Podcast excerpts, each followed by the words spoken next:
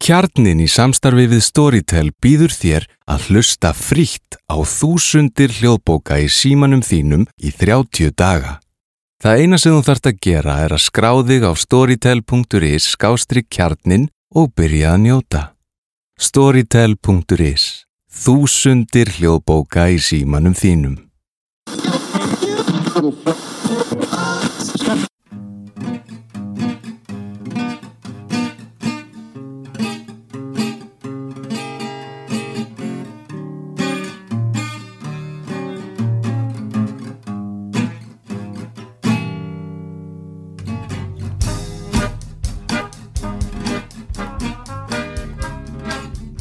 Velkomin í samtal við samfélagið hlaðvart félagsfræðinar. Hjá mér í dag er Þorgerður Einarsdóttir, prófessor í kynjafræði við Háskóla Íslands. Þorgerður lög doktorsprófi félagsfræði frá Háskólanum í Gautaborg árið 1997 og hóf störf sem lektor við Háskóla Íslands árið 2001 eftir að hafa verið á nýdoktorastyrk frá Rannísaloknu námi. Þorgerður hefur verið leiðandi að byggja brannsóknur og sviðin kynjafræði hér á landi og var fyrsti fasti kennari sem ráðin var til Háskóla Íslands á því sviði. Rannsóknir hann hafa byrst í mörgum virtustu tímaritum heims og hún hefur leitt fjölda mörg stóri innlend og erlend rannsóknarverkefni sem tengjast málefnu kynjana bæði hér á Íslandi og í alþjóðlegum samanbyrði. Velkomin Þorgerður. Takk fyrir. Mér langar að byrja og spyrja það eins um hvernig þetta byrjaði allt saman. Hvaðan kom áhugðin á félagsfræðinni og hvernig ákvæmst að fara í doktorsnám til Svíþjóðar? Mm. Og þannig byrjaði, ég byrjaði í sálfræði á sínum tíma. Ég fór til, ég nú til Svíþjóðar vegna þess að pappi minn bjóði Svíþjóð. Það var ástæðan fyrir því fór þanga. Já. Og ég held ég ætlaði að vera sálfræðingur og ég las e, sálfræði eitt ár og hafði gríðarlega gaman að því og kannski ekki síst ánað að komast inn í sálfræði því það var takmarkað. Já. og þá fannst mann einhvern veginn eins og það væri um, meira spennandi fyrir bræði og ég las þarna heilt ár og hafði greiðlega gaman að því svo átti ég að lesa skildukurs í félagsræði eftir eitt ár. Og það bara eins og manni mælt að ég bara ég eiginlega var bara ástfangin. Mér fannst bara eftir árið í sálfræðinni sem mér hefði fundist það gaman að það fannst mér eins og félagsræðin hafa bara beðið eftir mér. Mm. og ég held ég hafi uppgötað eitthvað stöðar að hafa samfélagi sem viðfánsefni svona þessi ósýnilegu samfélagslegu öll sem að stýra okkur og stjórna og sem við mótum höfum áhrif á meira heldur en að hafa einstaklingin sem viðfánsefni þó einstaklingunum séu þetta líka viðfánsefni að það fannst mér bara eins og það, það, ég var einhvern veginn komin heim. Já. og ég las nú svona hitt og, og þetta í, í náminni Gautaborg en ég kláraði í, semst, þá, þarna var stefnan tekin. Ég fann að félagsvæðin þar átti ég heima. Já. Og svo gerði ég allt sem að ég, alla rítgerðir og verkefni annars lít, gerði ég alltaf svona frá kynjafræðilegu eða kvennafræðilegu sjónarhorni. Já, hvaðan heldur þess að við komið svona upphæðlega af áhuga á konum og kynum? Bara gerir mér ekki almjöla grein fyrir því. Bara, ég var nú strákastelpaði sem krakki Já. Og mér fannst eh, allt voða hallarislegt sem stelpur gerðu og ég leik mér ekki með dúkkur þegar ég var krakki. Ég var mikið úti bara í slag við strákana og eitthvað svona og þetta fylgdi mér e- e- eitthvað svona inn í úlingsárin. Já. En svo smám saman, ég veit eða ekki hvað gerðist á mentaskóla árunum eða eitthvað þá þegar maður fyrir að sjá svona eitthvað félagslegt hvað hérna uh, hvað maður sjálfur að endurspegla gildismat samfélagsins Já. og fannst mér allt í hennu allt í hennu sá ég bara eða ekkert allt í hennu heldur smám saman sá ég hvað það var mikil kvennfyrlitning í þessu Já. og svo Og þá ákvaða leiti. Já, bara sem sagt þessi mikla vannþóknun á stelpum og því sem stelpur gera, hva, hvað er það að finnast allt merkilegra sem strákar gera? Já. Nú var ég náttúrulega kannski þannig gerður krakki ég var mikið úti að leika, ég var til dæmis engin bókórmur, Já. ekki til í dæmun ég var í bókórmur sem krakki því ég var alltaf úti að leika. Og hérna og frekar að reyna að skilmast við strákana með, með, hérna, með gyrðingastörum og öskutunulokum en þegar það fer að gegn síra gildismandi hjá manni Já. Að það sé eitthvað ómerkilega sem stelpur gera að þá fann ég einhvern veginn að ég var að endur spekla gildismat samfélagsins Já. og smám saman einhvern veginn auðnast mér að vinda ofan að þessu og Já. fatta hvað hérna þessi upphafninga og öllu strákan og Já. annað slíkt þannig þannig einhvern veginn verði ég kannski svona kvennapolítist meðjutu smám saman. Já, eins og bara þetta og eins og þú lýsir sjálfriði er einhvern veginn hvernig er alltaf, já, þú veist, svo sem jákvæðar ef þú ert að skipta um kynhlutverk þá er miklu jákvæðar að vera strákastelpa heldur en stelpustrákur. Já, nákvæmlega. Þannig sem er náttúrulega bara ákveðið gildismat að Já. það eru þessi enkenni sem að Já, ég var í sveit með, það voru stráka með mér í sveitinni og ég vann, ég var í vegamælingum á sumrin, ég var í mentaskóla, þannig var pínlítið svona í og bara leið ágætlega í því. já, En það, þetta var svona eitthvað sem opnaði augum mín fyrir því að hérna, maður þurfti svona að endur meta bara. Og svo þegar ég er í háskólanámi hérna í Svíþjóð, uh, 90 og 77 klára í stúdaspróf já. Og hérna, og það er þá hér heima? Já, ég var í mentaskólanum í Ísafjörði já, og fór hérna vestur á Ísafjörð bara svona í einhverju já sjálfstæðisbaráttu. þú ert ekki að vestan Nei, ég með Já, ég er sérst ættu að vestan. já, en semst ákveðið semst að fara þangað. Já, ég átti eitthvað skildfókar en það var svona æfintremannska bara, Já. gera eitthvað nýtt. Já, nákvæmlega. Og svo fer ég bent til Svíþjóðar og fer í nám hann í háskólanum í Gautaborg. Og á þessum tíma þarna 77, 8, 9 og þá er að byrja svona kvennafræði. Já, þá er ek- ekki í raun og veru konur svo mikið að já, en þá kvennafræði sem hér þá komið sem sjónarhorn innan kúsarna já, og á þessum tíma þá eru pælingar gangi um, um kvenna menningu uh, sem kom svo setna hinga til lands með, já, sérstakur einslu heimur nákvæmlega. Og þessar pælingar bara hjálpuðu mér bara óa mikið, þú veist að skoða fræðilega það sem að var að brjótast um í mér. Já, þú veist þetta af hverju lítum við niður á það sem er kvenlegt? Og, og það var svona það var svona það sem gerðist já. Að strákastelpan fór að hún eiginlega tilherði sögunni já, mm. og svo ákveður að fara í doktorsnám þá að halda áfram í Svíþjóð Ég fór ekki alveg strax í doktornum. Ég kom heim, uh, ég kom heim uh, 85, já, þá er ég búið með fílkant próf sem að kalla það, það er rúmlega bíapróf hérna. Og beði eitt ár eftir að maðurinn minn kláraði Já. sitt grunnnám, svo fórum við heim. Ég byrjuði í doktorsnámið hana það var Já. ek- ekki mastersnám í Gautaborg fórum að byndi í doktorsnám og þarna finnst mér á þessum árum 25-6 árum ég var ekki tilbúin að fara byndi í doktorsnám og koma heim hérna 28, 9, 30 ára gömur með doktorspróf en ekki reynslu að vinnumarkaði. Já, nákvæmlega. Það var mjög sterk tilfinning. Já, og ég hafði unni með skólanum alltaf, ég var í skúringum og, eitthvað svona á elli heimili mér fannst einhvern veginn að ég get ekki farið út í lífið heim á Íslandi og kunni ekki nema að vera í skóla já, og skúra. já, Þannig að ég fór hérna heim já, og vann í nokkur ár. Ég var kendi í Brjálti já, í þrjú ár, svo vann ég á yðntaknistofnun já, og svo eignaðist ég börn.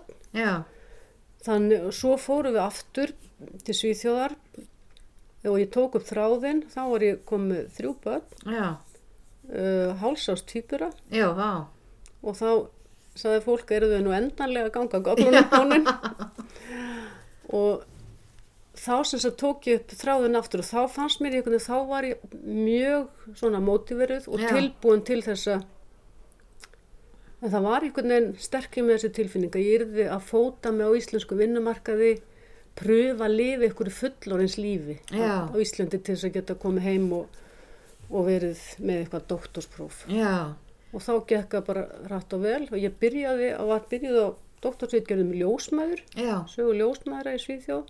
Og þá er ég algjörlega komin inn á þe- þetta sem sagt.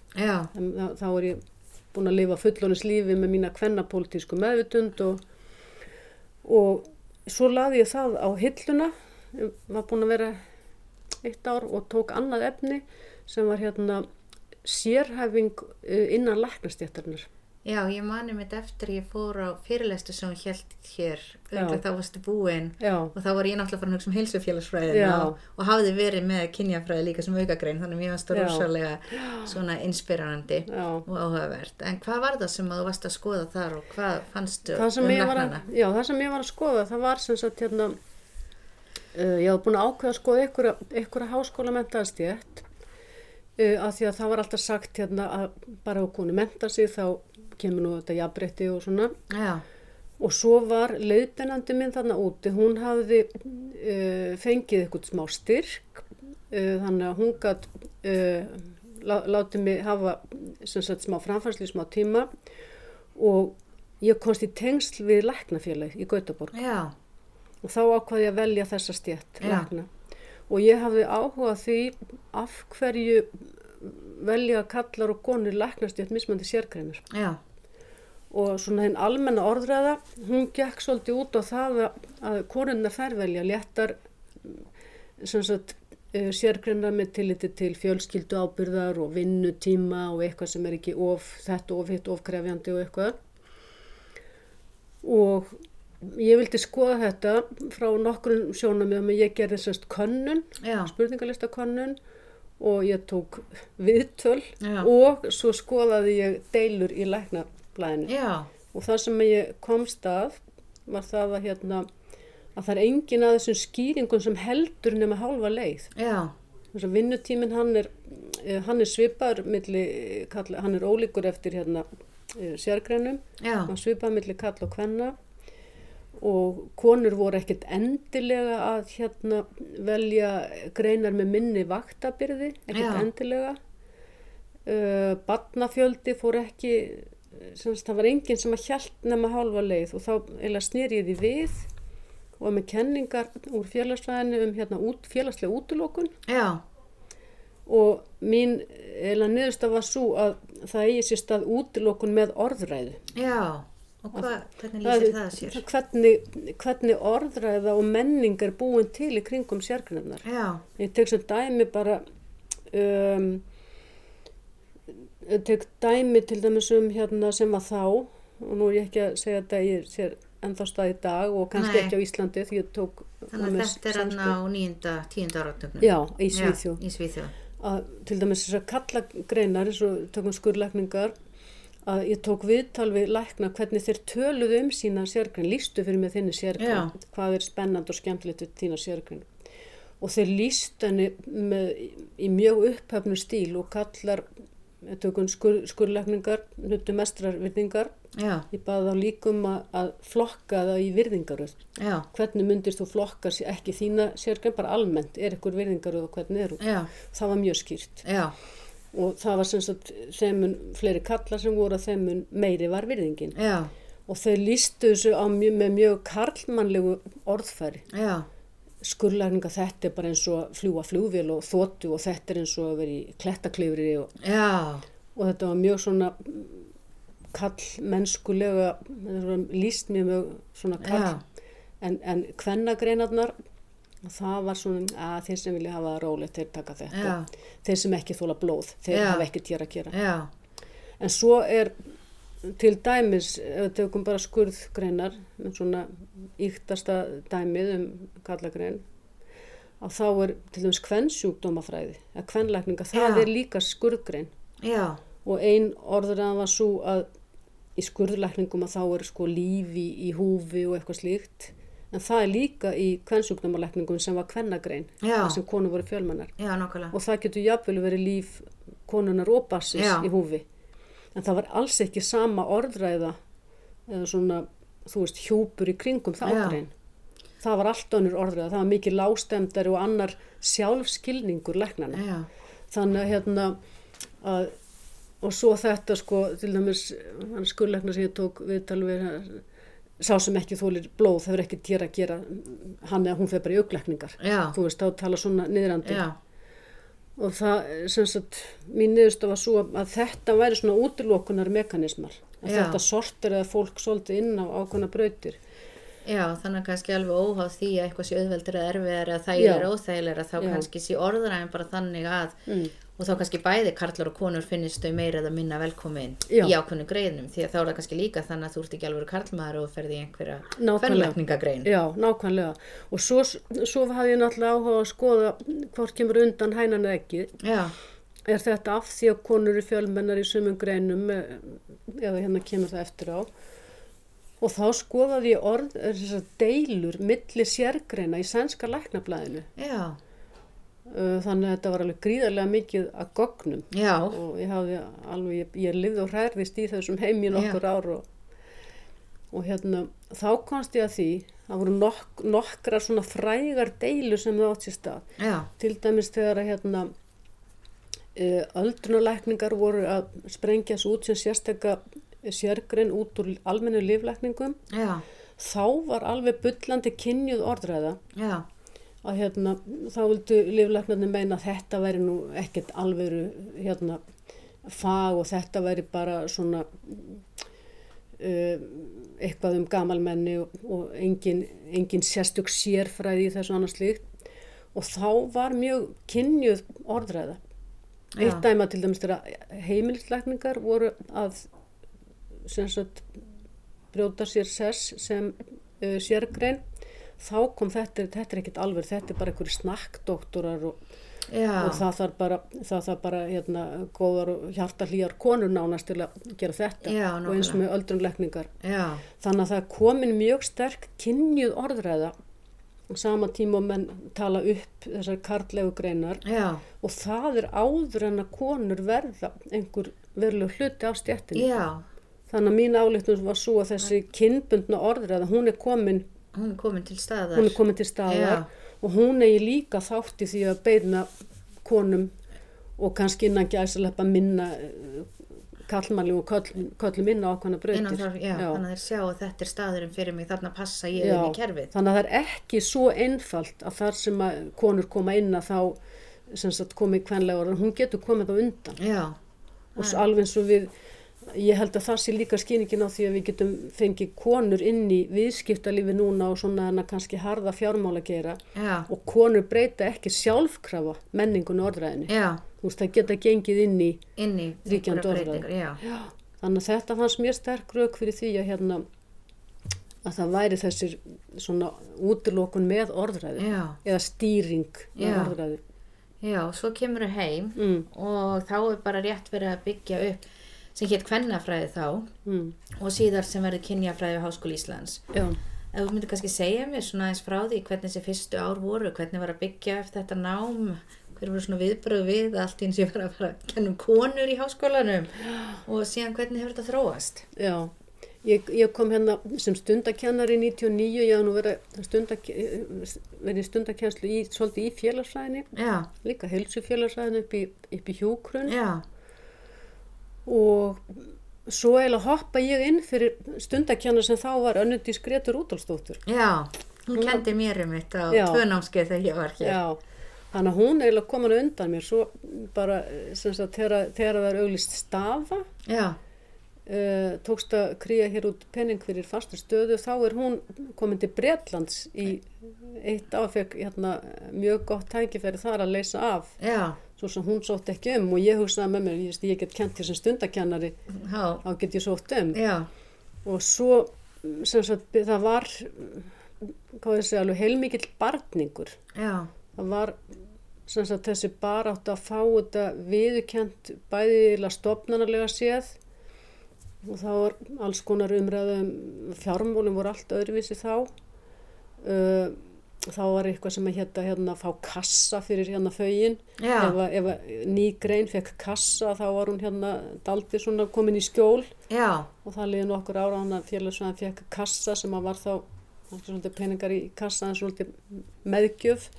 Þannig að þá var komin grunnur. Já, svo fyrir þetta allt þetta fjölda. Þannig að það svona einkendi fyrstu árin bæði að kominni fyrir svona stopnanalega já, bara tryggja eitthvað fjáraslegan grundvöll og faglega. Já, og það var um, þú sagt að hafa verið svona eitthvað sem að rann í tvær áttir. Annars vegar var ofsalega mikill meðbyr og það er ekki síst svona í umhverfinu. Já, og það er gríðarlega mikið að gerast. Feministafélag Íslands er stofnan 2003 já, og það bara er opnaði flóðgáttir og, og það var eftirspurn og var kallað eftir þessu. En á sama tíma var svona mobiliserast svolítið andstæðan innan skólans fannst mér. já, Það var svona aðra greina, svona þessar hefðbundu greina náttúrulega þeim finnst sér oft okkurna það kemur eitthvað í nýtt. Já, og svo kvennafræðin sem þarna er orðið kynjafræði. Já, um, hún er náttúrulega líka feludaldi í sér ákveðna vísindagagrinni. já, Hún ferir í sér samfélagsgagrinni og, og vísindagagna, að hún er, hún er svona mjög gaggrinnin grein. já. Og hvernig er hún þá að gaggrina vísindin? Hún gaggrinni vísindin að því leiti að nema það eru kalla sem hafa skapað vísindahefðina Já, út frá svona sjónarhortni kalla já, og hefðarinnar og mér finnst alltaf gott dæmi hérna það er fræg kona félagsfræðingur sem heitir Dorothy Smith sem er ennþá á lífi. Já, mjög stórt nafn í félagsfræðinni. Hún er oft talin höfundar af því sem er kallað sjónamis feminismi, já, standpoint theory. Hún lýsir sjálf hvernig hún uh, uppgötur uppgötur þessa karlægni hún semst er kennari uh, bara í sínu skóla og að kenna sína félagsvæði um stofnani samfélagsins og dómskerfið og, og, og politíska kerfið og efnarslífið og annars slíkt. Svo kemur hún heim á daginn og fer að hérna bara hugsa um sitt heimili og börn og, og svo fer að renna upp fyrir býtu uh, það sem ég ekki, helminguna mínu lífi. Helminguna mínu daglega lífi hann er einhvern veginn daldið ósynlegur í, í því sem ég er að fást við í vinnunni. Já, býtu, akkur er félagsvæðin ekki að fjalla um þetta? Mhm, og það sem félagsvæðin hafði þá fjallað, fjallað um að fjölskyldulífi það var daldið íhaldsamt íhaldsum nálgun. Já, þannig að henni finnst einhvern veginn svo sé þarna bara hen, helmingunni hennar lífi ósýnilegur. Já, og þetta er kannski ágætt dæmi um hvað er átt við með þessu. Já, vísindin þá sköpuð út frá sjónarhorni einhverra. Já, og svo er þetta öll gaggrin líka sem hefur komið fram frá öðrum greinum að vísindin hafi verið sköpuð frá sjónarhóli hvítra, já, hvítra manna uh, millistjættar gaggrin sem kom svo setna inn Já. í feminisk fræði. Já, að hvítar konur vestranna mætti ekki alhæfa út frá sjálfum sér. Já, Þannig að þetta er svolítið það sem er átt við. Þannig að það er ekki bara að konur hafi átt erfiðra sem einstaklingar í kerfinu. Eins og við höfum ágætt dæmi um hér heima Björgu, Björgu Þorl, Sér Þorlagsson já, sem er fyrsta konan til að hérna uh, útskrifast með doktorspróf. Já, og sem að stýttan er með brjóstmyndin hérna Já. úti. Að hún sagt uh, menta sig og mjög vel menta á þeim tíma. En hún er eiginlega sko hún á sér ekki viðmælendur hún er ekki, hún er ekki getum sagt, bara virt viðlits, hún er ekki tekin Já. með í samræðuna. Já, hún bara er ekki tekin gild. Nei, og hennar rannsóknir hafa bara fyrst á síðustu árum verið, þú veist, verið fengið sinn verðu að sess þannig að það er bæði þessi sagt, bara jaðarsetning kvenna sem einstaklinga. Já, alveg óháð því hvað er að fjallum. Já, og þetta er fullt af þeim í vísindarsögunni en svo líka bara sjónar mið að sjónarhorn kvenna.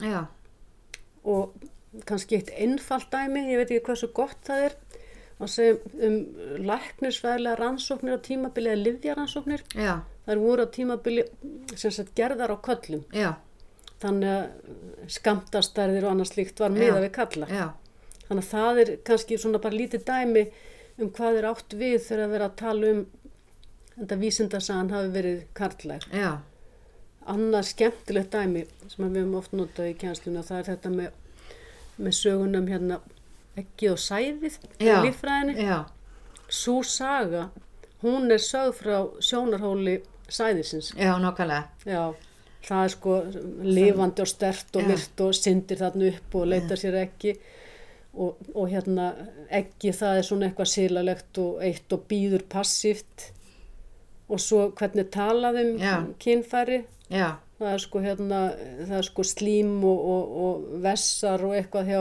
hjá konunni Já, hjá kallanum hérna, með sæði, það er sko hérna spriklandi fjörugt og alveg þetta segja að það sé slímugt og algjörlega. já, Og að ekki drægi til sín já, sæði. já, þannig að, þetta er svona bara örf á dæmi Já. um Að karlarnir eru alltaf gerendurnir og konurnar óvirkar. Já, og allt sem er kvenlegt er óvirt. Já, það er óvirt og hérna og meiri þess að í því sem að okkur finnst svona, hvað innan gæslappa, stráng, hardvísindalegt eins og Já. bara líffræðilegi ferlar, að við erum alltaf að nota orð til þess að lýsa því og kenningar og þær eru líka mengar að smita þar af.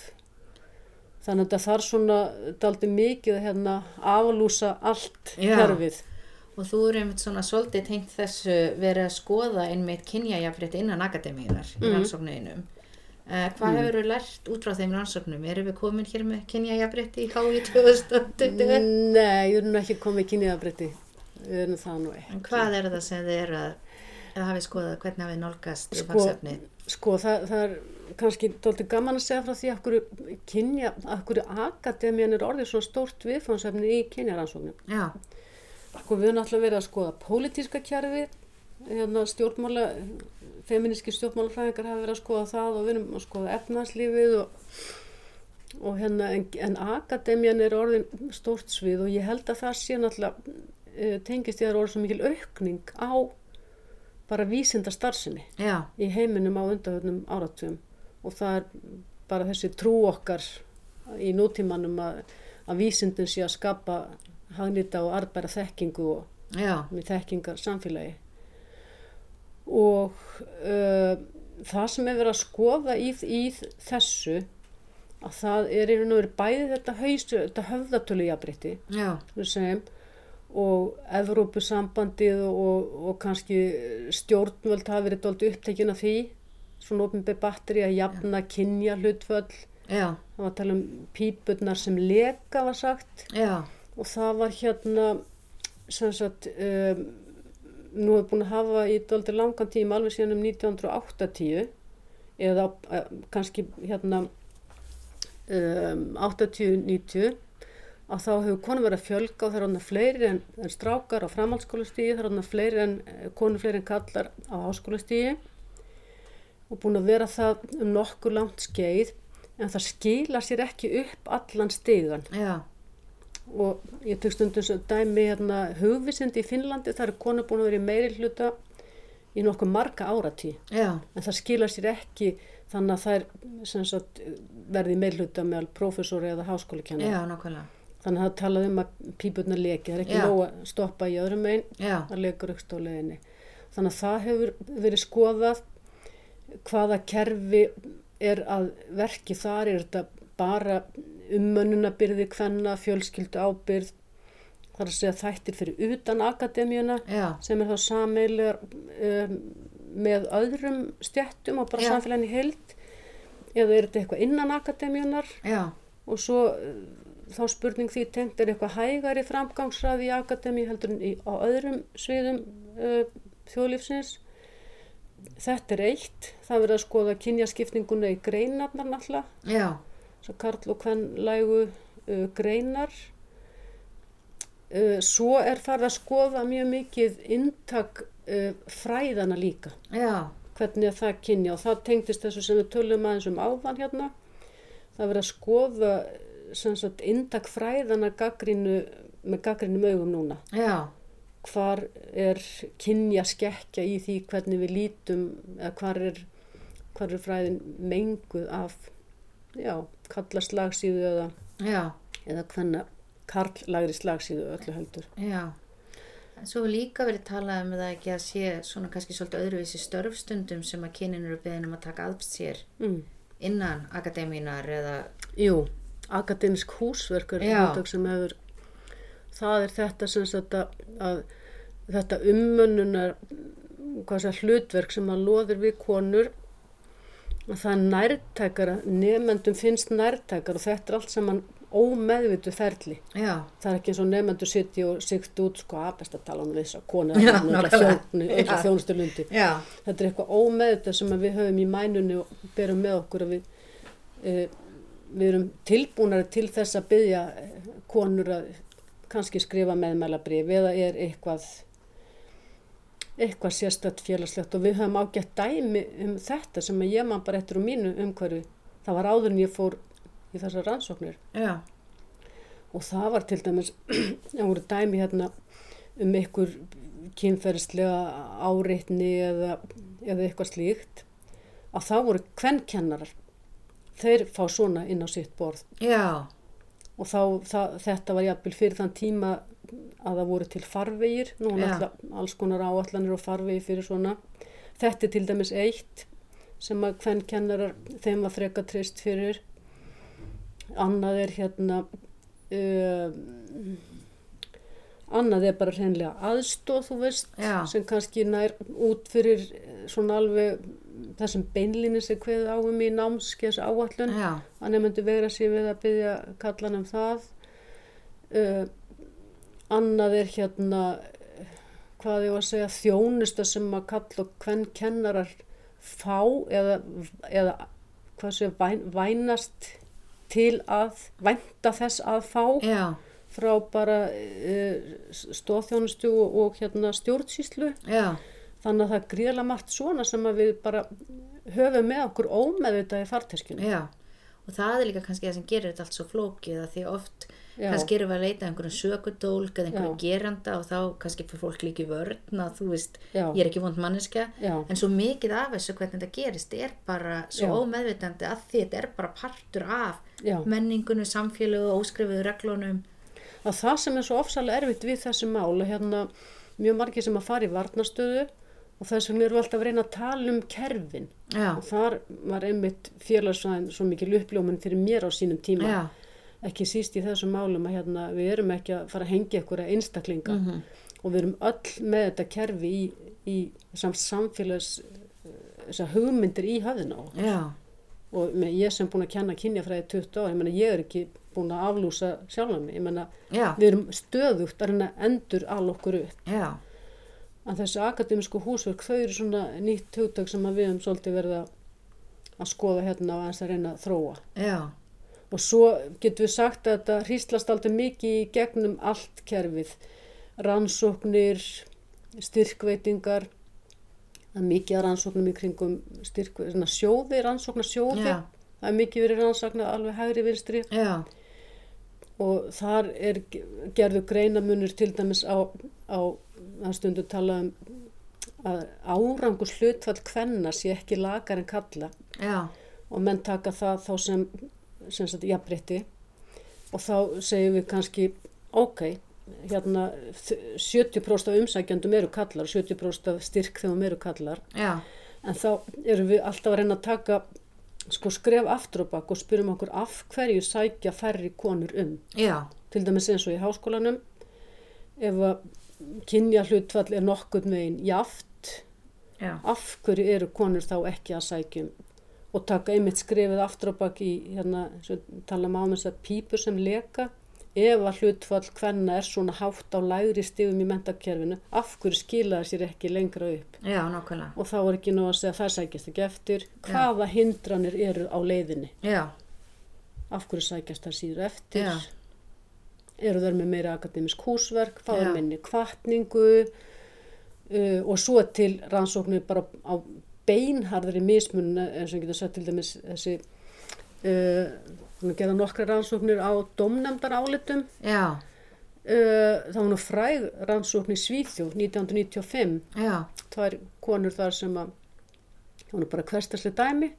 Þær sóttu styrk og fengu ekki en það voru einhverju náungar í kringu þær sem fengu styrk og þær hugstu býtu hann, býtu hann, það er hann og hann og ekki ég. Já, og maður hefur eitthvað svona sjálfskilning bara býtu ég er ekki minna klár en hann. Já, og það tók þar einhver tvö ár að fá, þetta var semst í lífvísindum eða helbriðsvísindum já, Vold og Venneros 1995 fræg, hérna, fræg kannun og þær sem sagt uh, þurfa að fara fyrir hæstarétt til að fá gögnin frá sjóðnum. Já, og þær gera á þessu bara tölfræðilega greiningu bara hardcore já, analýsu.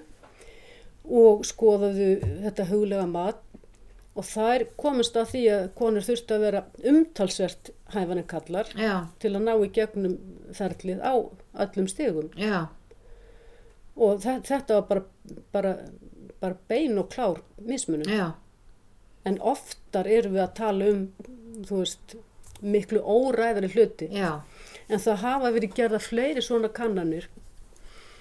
Og það má til dæmis nefna uh, sænskönnun sem ég manna eftir í svipin það var spurning um leiðtóahefni sem að skiptir máli þegar fólk er komið ofalega í, í, í stigan að þá var hérna uh, talið konum til lasts konu til lasts að vera í, í samstarfi. Býtu hún er bara svona ósjálfstaf, hún þarf alltaf að vinna með öðrum. Já, En kall, hjá kallmanni var það talið til marksum hvað hann væri vel tengdur já, og væri miklu alþjóðlegu samstarfi. já, Þannig að sami hluturinn getur verið metin misjaflega já, með kynbundnum formerkjum. já, ég held ég hef líka séð slíkar rannsóknir svo í bandaríkjunum með að tala um varðandi til dæmis á hæfurráningu að sko ef að kona er Já. þá eru þetta all vinnan og hugmyndin og briljansi hjá kallinum Já, en kallin getur alveg verið meðhöfundur og verið alltaf Já. áfram að vera briljant og Nákvæmlega. gert helling óháði hvort hann er að skrifa með öðrum köllum eða með konu já, þannig að nákvæmlega. einhvern veginn ef þú sér það sko þá Já. Og þetta tengist kannski í umræðinni, maður segir með, með stjórnmálinn, eru konur hérna með, með, með spillingu í stjórnmálinn gera meiri kröfu til stjórnmála hvenna heldur en kalla veist, Hillary Clinton og einstakar konur vandi þar er hérna að það er svo fá tilvik. Já, það er svo erfitt að finna svona tölfræðilegan grunn. Já Mér finnst það reynda svolítið áhugavert sem kom núna og var þá kannski verið sérstaklega talum um Hillary og jafnvel Elizabeth Mm. Warren og svo einhver eins og Obama og Pete Buttigieg, hvernig sem hún segir það. Já. En þá að vera að segja svona sko að þarna við sko viljum alltaf, við erum alltaf tilbúin að fá kalla sko upp á promise. Já, En konur geta verið með alla reynslu í heiminum og herðunum og þeir eru samt ekki nógu góðar. nákvæmlega En þú veist, þeir bara potential, Já, og, drýfkraftur. já, nákvæmlega. Og svo þetta með hérna líka mjög kynja til dæmis með aldur. Já, að það var sagt um Hillary, ég held hún hafi verið 65 þannig já, þegar hún bauð sér fram síðast. Já, þá þótti hún vera komin á aldur. En nú er til dæmis bæði hérna uh, hvað er hann Joe Biden? Den og Bernie og náttúrulega Bernie miklu miklu eldri og voru jafn gamlir Já. í rauninni þegar þeir eru að bjóða sér fram á heyrir tíma. aldrei það er engin áhuga á því Nei, engin áhuga á því. engin, en konan er, er sko komin bara, já um, en svona við förum aðeins yfir í uh, annað þá hefur, og ég myndist á hér á hann þú hefur leikt mjög mikið af stórum rannsóknarverkefnum mm, og mér langaði að spyrja út í það og því Guðbjörg Linda voru til dæmis með verkefni sem skoðaði kynja ójöfnuð og efnagslífið mm. hvað var það verkefnum og hvað það var verkefni sem að við það var um, um konur í, í, í s- við stjórnvölun eiginlega í atvinnlífinu já, og þar vorum við að skoða það var svona í framhaldi af kynjakótalögunum en við skoðum bæði stjórnir fyrirtækja og, og hérna stjórnir sem sagt og stjórnun, framkvæmda stjóra þannig að þetta er svolítið óöflegt orð á Íslandi. Við tölum um hérna stjórn, stjórn að vera í stjórn. Já, það getur bæði verið framkvæmda stjóri og líka stjórnarmaður já, sem er raun allt annað. Já, og þar vorum við sem sagt í, í erlendu samstarfi Noreg og, og fleiri lönd þar sem að, mikið verið að skoða kynjakótalögi núna. Og það byggðist á, á hérna stóri könnun. Við höfðum áður verið í samstarfi við KPMG vorum að gera uh, könnun á hérna stjórnarfólki svo gerðum við hérna könnun sem var uh, sambarleg við könnun sem hafi verið gerð í já, þannig að við erum með samanburðargókn og gríðlega fjölda viðtölum.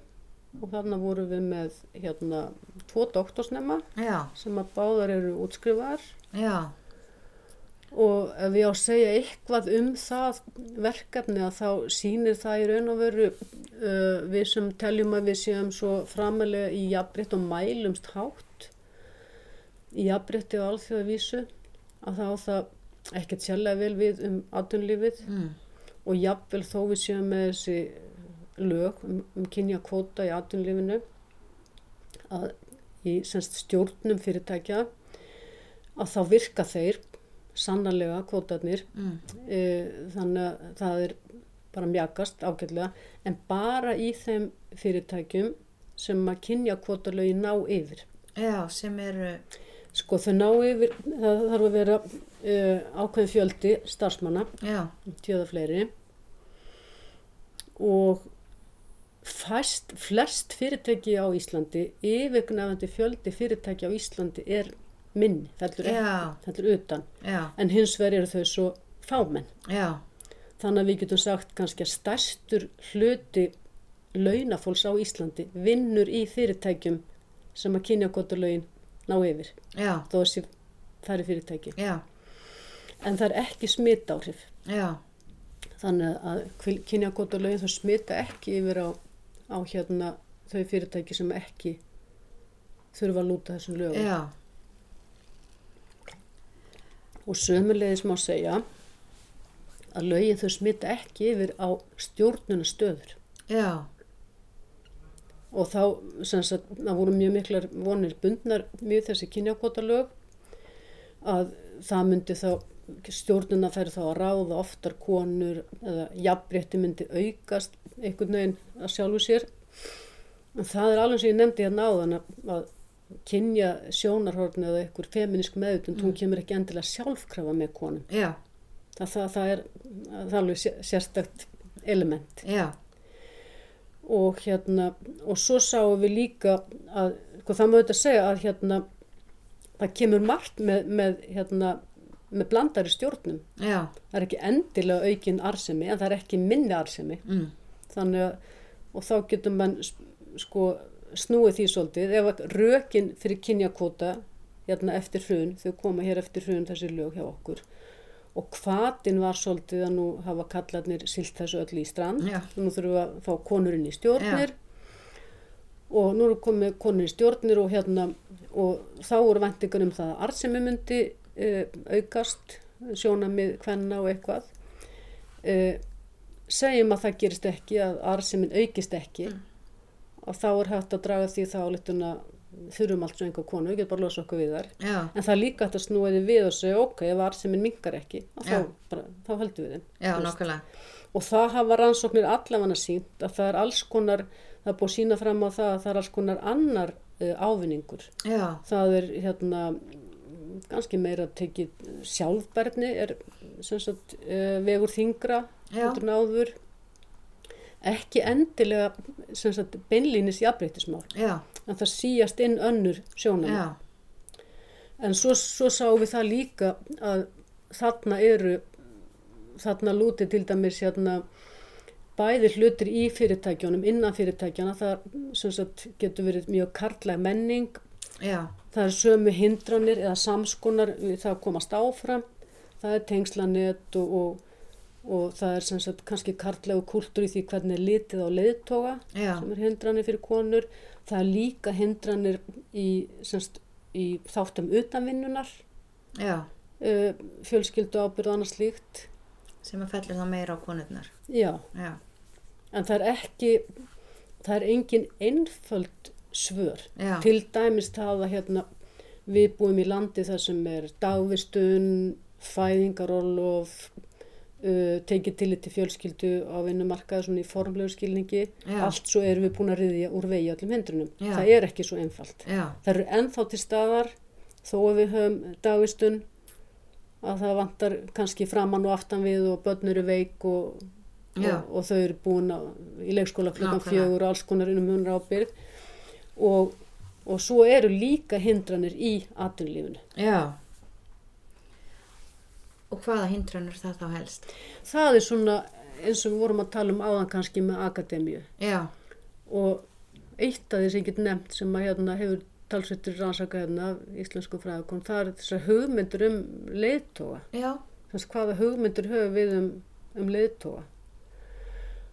Og það verið gerðar hugmyndir til eins og krökkum, hvernig lýsum sem sagt, uh, kallmanni og leiðtóa og það renna svolítið sama, það er óskýr mörk á milli. já, Þannig að það, það, það er ekki skýr mörk á milli þess að lý- lýsa kallmennsku, mm. hugmyndir um kallmennsku eru nátengdar hugmyndum um, um leiðtóa. og konan þá væntalega einhvern veginn allt öðruvísi. Já, konan allt öðru Hún passar ekki við, það er ekki þessi svona augljósu tengsl. Já, og svo hafa líka verið gerða rannsóknir á hvern leiðtóum Já, að þær eru í svo- svollum vanda vegna þess að, hugmyndur um kvenleika passa ekki öðuldarinn inn Já, ef það eru hérna, kallmannlegar eða ganga algjörlega inn í kerfið að þá er það hægt að vera bara stimplar kallar og hérna og ef það eru of kvenlegar þá dettar út úr rammanum með viðmjónum fyrir það sem stjórnandi er. já. Og það er kannski svolítið áhugavert því að ég sá að eitt sem þú rannsakaði reyndar fyrir svolítlu síðan var einmitt að skoða uh, íslenskan kvenleika og hvernig hann hefur þróast frá 1900 til 2010. Já, einmitt. Þannig að ég veit að svolítið sem tími sem varst að því að mér finnst það sérstaklega áhugavert þannig að við getum kannski sagt okkur aðeins frá þeirri rannsók. Já, það var doktorsnemi minn, hérna, uh, já, já, nei, hugmyndur um hérna, þetta var um kyn, já, kynja, uh, kynja umræðan. Já, Þetta sem við Sigrir, hérna, Mattiastóttir gerðum saman, um, þannig eiginlega tóku við kynja kvóta, umund, hugmyndir og kröfur um kynja kvóta síðastlega nánast 100 ár. Já, og það koma fyrst fram hugmyndir hérna 1917 já, í miklu kreppu ástandi þá voru stopnað bjargráðanemdir já, bæði á ríki og, og Reykjavíkuborg og konur eiga ekki aðgang að þeim. Nefndir sem að hjálpa almenningi að spara og vera semst hagsýr og konur alltaf þannig hvernig hreyfingin bara að verða mjög virk og það er sem sagt þeim finnst vegið að sér, býtu við sjáum um heimilin og við erum alltaf að við erum sérfræðingar í hagsýni og og ráðdeld og eru slíku, okkur er við ekki með hérna. Að þær fara á stúana og vilja fá að vera með í þessum nefndum. Já, og þær komast nú ekkert með það þarna 1917. já, Svo kemur Ingi Björg H. Bjarnason með þessar hugmyndir, setna er hún er komin á þing, hérna 1926, kröfur um það að, að hérna konur fái uh, aðild að nefndum er varða almenning. já, Tók það alveg mjög skýrt fram. já, og hún þar þar vit okkur hérna á þessum tíma að með þessu sé verið að hérna e, bara gera annað kyni miklu rétt herra en heitt já, bara verið að taka konu fram yfir kalla og Ah, það enda þá er bara með því að það verið tómar konur. Já, og hún var mjög hó- náttúrulega ákveðin en mjög hóvar í því að hér var ekkert verið að taka frá köllunum bara nefndir sem að varða almenning og til að nýta sérþekkingu hvenna en það sem að var svo aðtilsvert var það að rökin voru nánastu sömu allan þennan tíma. Já, því svo fáum við umræðu setna upp úr hérna uh, 1970-80 og fara aftur að fer aftur að bóla á þessum hugmyndum um, um hlu, aukna hlutdelt hvenna í ofinberu lífi. Já, og þá koma sömu rattirnar að til dæmis eða taka eitthvað sérstak tillit til hvenna þá sé verið að hérna uh, bera þær á einhverju gullstól. Já, þá sé það misrétti gagvart köllum. Já, þannig að menn litur til dæmis á þarna 1917 og 1927 sem misrétti gagvart köllum að hleypa konum að. Já. að nefna konur sérstaklega leit út eins og bara einhver ógn við annars mannkinnið Þannig að menn, menn mann, mannkinnið var það bara kallar. Það var ekkert ólegt við það að kalla verið nefndum en bara nefna konur já, og sýnir kannski náttúrulega þannig að ósýnileika í rauninni hvað að það hefur alltaf verið forréttind að vera kall. Já, og svo fylgir Og- þetta umræðanum jafnbreytislögin alveg frá byrjun. Og hérna fyrst eru þau kynhlutlaus fyrstu lög, jafnbreytislögin koma hérna 76 þau hérna uh, eins og eitthvað sagði að þau kom hér geimvera Já, hann ekki fatta hvort, að, hvort kynið hallaði á. Já, hann læsi lögin. Já, Svo kemur Jóhanna Sigurðardóttir mjög fljótlega með breytingatilögu við jafnbrytslögin og það er framhald af því að það eru tveir ráðherrar sem að ganga fram hjá uh, konum við ráðningu Já. starf. Já. og sá þessi lögur máttlaus. Og það þarf að vera hér eitthvað ákvæði sem segir ef konu jafn hefur kalla þá hérna færu starfi já, og það kemur hérna undir eins hérna upp umræðu um jákvæða mismunum já, og það eiginlega búið að vera þetta sögulega þrástef allan tíman og það er mismunun gagvart köllum að semst það er ekkert sem heitir að leiðrétta hér er ekkert að leiðrétta. Já, það komið jafnbreytti já, þetta er bara jákvæð mismunun til handa konum. Já, og þetta tekur mjög langan tíma að og þetta loðir líka við sem sagt þetta mjög langan tíma að, að hérna fá uh, lögfesta kynja kvóta í nefndir. Já, það er til að svona fórsaga þess sem að við skoðum hérna já, þessar hugmyndir um hérna konur átt að vera eh, sem sagt jafnarköllum en höfðu engar þér Já, því þær voru ósýnlegar já, svo leiða þær nefndar að þá eru þær, þá eru þær jákvæð mismunum það var að vera mismun að gera köllunum. Já, en fyrsti, fyrsti kvótin sem er lögfestur, það er kvóti í jafnbryttisráð Já, og það kemur árið 2000 já, og það er vegna þess þá hafi verið hérna kallanemnd starfandi, það var bara hið besta mál, en þeir segja eitthvað á þá leið að hérna jafnbryttis má ekki vera, jafnbryttisráð það má ekki vera eins og eitthvað saumaklúpur eða kvannaklúpur og þá er lögfest semst að varða að vera jafn hlutfalli jafnbryttisráði já, og svo 2008 þá loksins kemur í gegn þessi krafa sem að hérna e, sem að Ingibjörg K. Bjarnason já, hafði hafið og konurnar í bæjarstjórn Reykjavíkur 1917 þannig er rauninni fyrsti kvótin sem er settur er að passa að kalla hafi koma að borðinu. Já, og svo líða átt ára áður en að það er gert það Já. sama fyrir konur. þá kemur að, komið allar aðra Já. nefndir. Og þá var ekki neinn fyrirstað þegar þetta komið þegar í hérna. Og það er umræða um það þarna 2000, akkur gerur þetta ekki við hinnar nefndirna líka? Já, en það náði það ekki náðu ekki. Og þetta er eitt af því sem að gera verkum að við erum með í háskólanum allstar. Já, þessar kröfur um að, að það sé bæði. já. Og það er, sem sagt, og svo má líka kannski nefna að þetta er auðveldara í á hinnum ofnverða vettvangi. Já, Var erfið að fá, það þurfti hrunið og þessar hugmyndir um hérna, um að kallarnir hefðu silti öllu í strand og eitthvað Já. Til þess að fá þennan kvóta í, í stjórnir fyrirtækja. já, og það er auðveldara á vettvangins opinbera því að okkur finnst að almannahagsmunir já, að það er svona líðræðis krafa að allir Annars- hóp eða bæði kynsju eigi fulltrúa já, og það stundum sagt að það gildi líka um pólitíkina, þjóðþing og svona. já, Það er auðveldara að gera það almenni líðræðiskröfu heldur en í fyrirtæki sem að lúta enga eignar rétti. já, nákvæmlega. Og kannski svona aðeins að lokum og ég veit að þú ert með mikið verkefni í gangi og alltaf eitthvað að gera. Mm. En svona ef þú kannski segir okkur aðeins hvað þú ert helst spennt yfir í augnablikinu og ert að vinna það akkurat núna?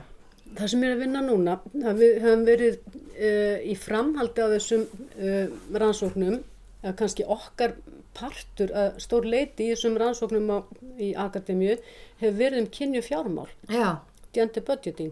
já, Og við sagt eh, erum með nýtt verkefni í því sem er mjög skemmtilegt, sem er Evrópuverkefni, sem byggir á fyrri verkefnum um jafnrétt í akademíu. já, Fyrst vorum við í verkefni hérna 2014-17 já, uh, og svo vorum við með í umsók sem að tekur mörg slík þannig verkefni skrefinu lengra. Já, og það, það byggist á uh, til sem að kalla starfsamfélög, já, community og practice þannig að það eru búið að búa til nokkur starfsamfélög um, um nokkur svið, Já. við breytti ekki bara í akademi því það er líka í hérna í rannsóknar sjóðum Já. eru, þessar stofnanir sem að búa til rannsóknir og sem fjármálnar rannsóknir.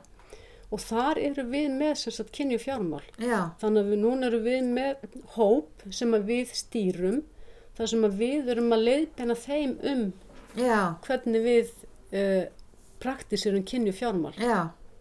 Og hvað áttu við með kynjuð fjármál? það er sem sagt að, að elda peningana Já, til dæmis í gegnum háskólakerfið. Uh, hvað, tökum bara hvað fær, fær hver, hver grein greitt fyrir kennslu já, er sama greitt til hérna kallagreina og kvennagreina. Já, það er ekki alveg sama. Hverjir fá rannsóknarpeninga. Þannig að svona kynja greina út frá peningunum. Og þetta hefur sem sagt hérna eh, þetta er svolítið í tísku núna Evropasamtinu og viðar og þetta er svona samþætting kynja að skoða, kynja vitina og öllum sviðnum að við eldum svolítið peningana Já. gegnum kerfið. Já, og það er svolítið gaman því það er svo konkrétt já, nákvæmlega. Já, og þetta er verkefni sem er mjög skemmtilegt sem við erum á alveg bara í miðjum klíðum með núna. Já, Og svo hef ég verið að fást við annað sem er mjög skemmtilegt og það er hérna rannsóknir á svolítið hinsegin samfélaginu og trans, trans uh, transfræði. Já, Það er svona, ég veit ekki hvort ég segi aukabúkur, en það er samstarf við, við vinkonu, okkar samstarfskonu í, í bandaríkjunum, Já. Rutgers. Og þar höfum við gert daldi umfarsmikla könnun á hérna uh, fólki í íslenska hinsins samfélaginu. já. Þannig að það er Já. allt saman mjög... Það er, við erum alveg, það er gríðarlega gaman líka og það finnst mér skemmtilegt að það uh, kasta fyrir mig svolítið öll upp í loft, Já, transfræðin. já, veist, fólk er kynsegin og, og þú veist, það eru ekki bara kall, kall, karlmannlegt og, og kvenlegt og það allt saman heldur líka bara þegar við brjótum af okkur þessar viðjar, að hvað litur við endurskapaðar og þetta hefur einst mér ofsalega mikill innblástur já, í því sem ég er að gera, já, er. Transfræðin. Virkilega spennandi. Ég held að við þurfum bara að fá þig aftur til okkar hér Já. til að tala um þau. Já. En Ég er bara alveg til, í- það síðar. heyrar þekkir fyrir að vera með okkur hér Já. í dag. Takk fyrir að bjóða mér. Kjarnin í samstarfi við Storytel býður þér að hlusta frítt á þúsundir hljóðbóka í símanum þínum í 30 daga. Það eina sem þú þarft að gera er að skrá þig á storytel.is skástri kjarnin og byrja að njóta. Storytel.is Þúsundir hljóðbóka í símanum þínum.